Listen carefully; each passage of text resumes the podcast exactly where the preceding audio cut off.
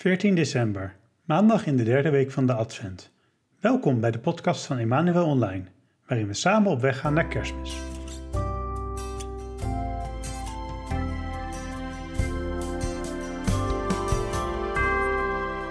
In de afgelopen afleveringen zijn we in grote stappen door het eerste deel van de Bijbel, het Oude Testament, gegaan. We hebben gezien hoe God ons steeds tegemoet komt, hoe Hij steeds opnieuw tot ons spreekt. Vandaag maken we de stap naar het Nieuwe Testament, naar God die zelf mens wordt om onder ons te wonen.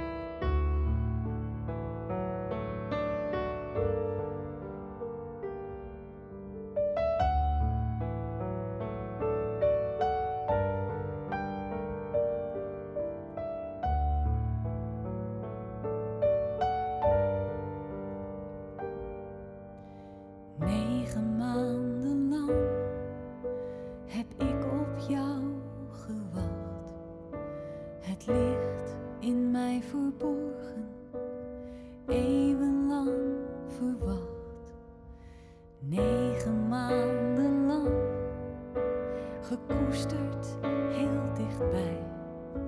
Ik voelde je bewegen, God zelf groeide in mij.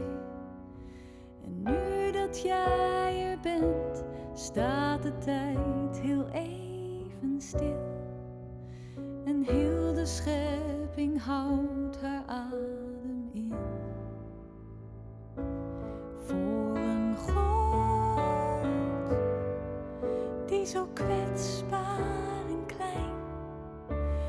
verweven met mij raakte, mijn kindje wilde zijn.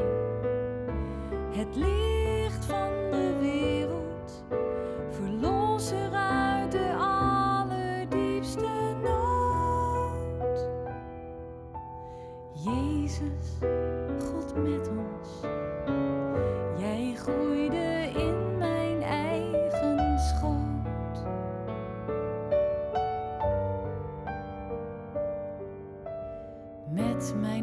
eigen ogen zie ik hoe Gods trouw zomaar in mijn armen zichtbaar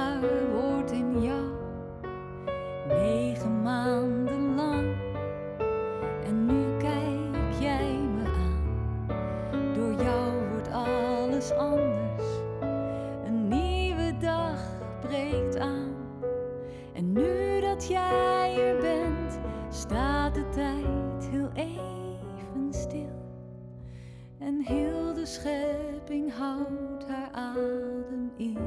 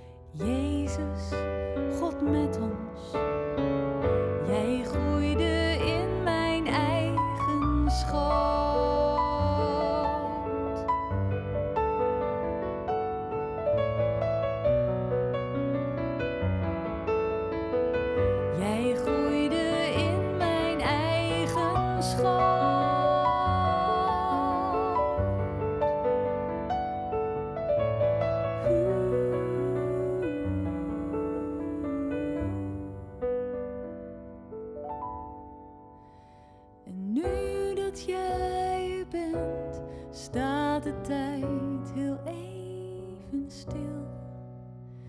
En heel de schepping houdt haar adem in. Heer, ik dank u voor deze nieuwe dag. Heer, ik dank u voor deze tijd van Advent waarin we met elkaar op weg mogen gaan naar Kerstmis. Heer, dank u wel dat we mogen uitzien naar uw komst en dat we mogen weten, Heer, dat u onze Verlosser bent, dat u het licht in ons leven bent. Heer, ik dank u, Heer, voor deze dag. Ik dank u voor alle mooie dingen die u ons geeft. Ik dank u dat we al mogen zien, Heer, dat uw licht aanwezig is, dat uw licht doorschijnt in de duisternis. Heer, dank u wel voor alle mooie dingen die we mogen zien. Ik dank u voor mijn eigen leven, voor mijn kinderen, mijn gezin. Ik dank u voor de vreugde die u me geeft. Ik dank u voor de mooie natuur om me heen. Ik dank voor al die mooie ontmoetingen. Heer, ik vraag echt, Heer, om met uw Heilige Geest in mijn hart te komen, dat ik mag zien waar u bent. Dat ik u mag herkennen in de mensen om mij heen. Dat ik het licht in de duisternis mag zien. En zelf uw liefde te laten zien aan de mensen om me heen. U daagt het in het oosten, het licht schijnt overal. Hij komt de volken troosten, die eeuwig heersen zal.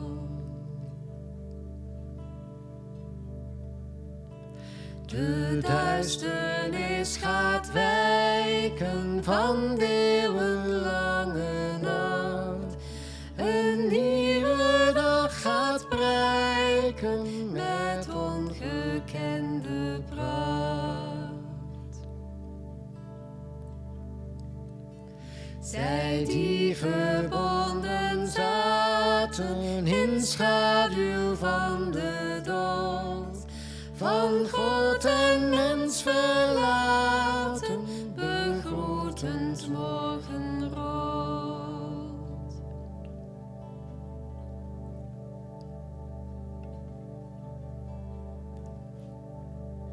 Spoedig komt de tijd, lang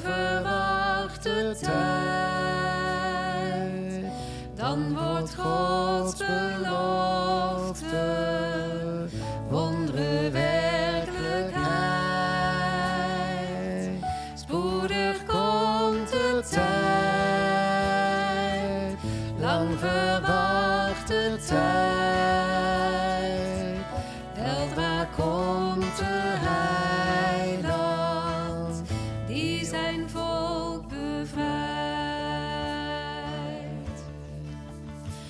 De zonne voor weer stralen, het nachtelijk duister zweeft.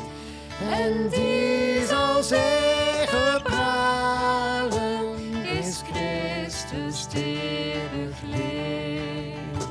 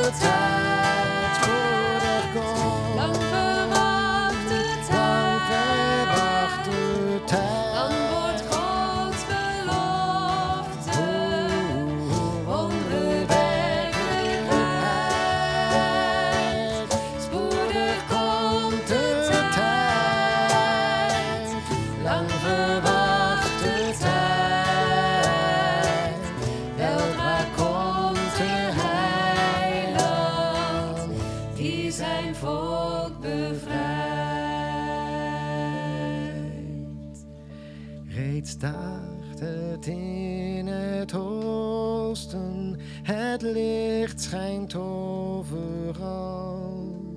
Hij komt de volken troosten, die eeuwig heersen zal. Uit het Evangelie volgens Lucas, hoofdstuk 1. In de zesde maand zond God de engel Gabriel naar de stad Nazareth in Galilea, naar een meisje dat uitgehuwelijkt was aan een man die Jozef heette, een afstammeling van David. Het meisje heette Maria. Gabriel ging haar huis binnen en zei: Gegroet Maria, je bent begenadigd. De Heer is met je. Ze schrok hevig bij het horen van zijn woorden en ze vroeg zich af wat die begroeting te betekenen had. Maar de engel zei tegen haar: Wees niet bang, Maria. God heeft je zijn gunst geschonken. Luister, je zult zwanger worden en een zoon baren. En je moet hem Jezus noemen. Als we Maria zien bij uh, de aankondigingen, de boodschap van de engel, uh, met name de, de tekst van Lucas, dan leert ons die tekst een belangrijk aspect over de rol die Maria in ons leven kan vervullen. Interessant met name is dat Lucas het geloof en de houding van Maria contrasteert met die van Zacharias, de vader van Johannes de Doper. Zacharias, die voorname tempelpriester is, theologisch geschoold, krijgt een visioen. Er wordt hem de geboorte van Johannes de Doper uh, aangekondigd en hij reageert met ongeloof. Maria, eenvoudig meisje, waarschijnlijk een jaar of vijftien, van eenvoudige kom af in een van het boerenpummel uh, gehucht Nazareth, krijgt bezoek van een engel en reageert met nederigheid en uiteindelijk met geloof. En interessant is dat de engel zegt tegen haar dat haar nicht zwanger is, Elisabeth. En geeft wat details in, in welke week ze is. En een interessante vraag is: waarom zegt die engel dat? En een, een mogelijk antwoord zou kunnen zijn: God wil een wonder doen, maar God doet wonderen in de mate dat wij door ons geloof openstaan voor die wonderen. Denk aan passages waarin Jezus eh, in bepaalde plaatsen geen wonderen kan doen omdat niemand gelooft. Dus blijkbaar heeft God ons geloof van onze kant nodig om een wonder te kunnen doen. En Zacharias reageert met ongeloof. En dat zou betekenen dat ook God daar eh, door dat ongeloof niet door kan dringen.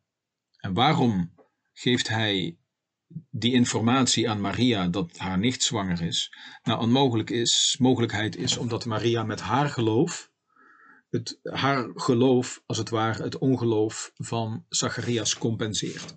En zij antwoordt met een volmaakt geloof en met volmaakte openheid. En dat betekent dat God in mijn leven dingen wil doen die soms voor mij moeilijk te geloven zijn. En waar ik ja, toch ergens aan sceptisch, twijfel. Uh, dat kan twijfel zijn aan God. Dat kan ook natuurlijk twijfel zijn aan mij. Hoezo, hoezo zou God mij juist uitverkiezen om, om iets bijzonders door te doen?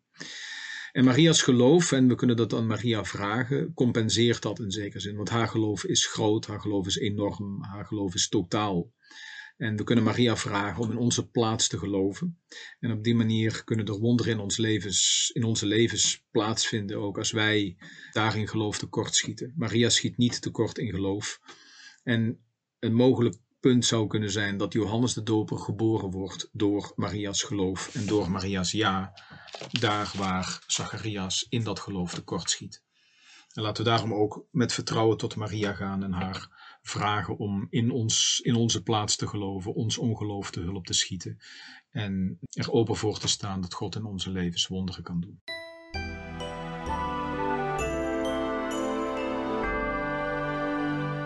Mijn naam is Francine, ik woon in Amsterdam en ik ben de gelukkige moeder van een uh, tiener van 16. Wauw, wauw, wauw. Dit is de beste manier voor mij om te omschrijven hoe bijzonder uh, Maria uh, voor mij is, wat zij voor mij betekent, wat zij voor mij betekend heeft in mijn leven. Um, vooral in de afgelopen jaren. Ik denk dat zij wel al een tijdje met mij bezig is, maar het is pas van de afgelopen jaren uh, in de moeilijkheden dat ik haar echt ontmoet heb en begrepen heb hoe krachtig ze is. Zij is de stille kracht. Zij is de moeder van alle moeders. Zij is de moeder van alle kinderen van God. En dat heb ik zo vaak gehoord. En toch pas geleden echt begrepen wat het betekent. En gevoeld ook uh, dat, dat wer daadwerkelijk in mijn leven. Uh, haar onvoorwaardelijke uh, liefde, zoals een moeder eigenlijk alleen maar van jou kan houden. Ik zou heel lang door kunnen gaan, want uh, er is voor mij zoveel over haar te vertellen. Maar terug naar de kern van het advent, wat ik uh, haar uh, heb gevraagd en zal blijven vragen, is om mee te leren om een betere moeder te zijn. Zij heeft de zorg gehad voor het kindje Jezus. En desondanks alles uh, is zij voor hem een veilige haven geweest. Uh, zij heeft hem onvoorwaardelijk liefde getoond en zij is er altijd geweest in gebed, in haar aanwezigheid en in alles. Dus ik wil aan haar vragen om mij nou ja, te leren om dat te doen, uh, vooral in deze wat spannende, spannende tijd. Uh, hoe ik die haven voor mijn zoon kan zijn. En die onvoorwaardelijke liefde niet alleen maar kan ja, voelen of hebben voor mijn, voor mijn kind. Maar ook gewoon tonen in, uh, in gebed en, en in het dragen van hem.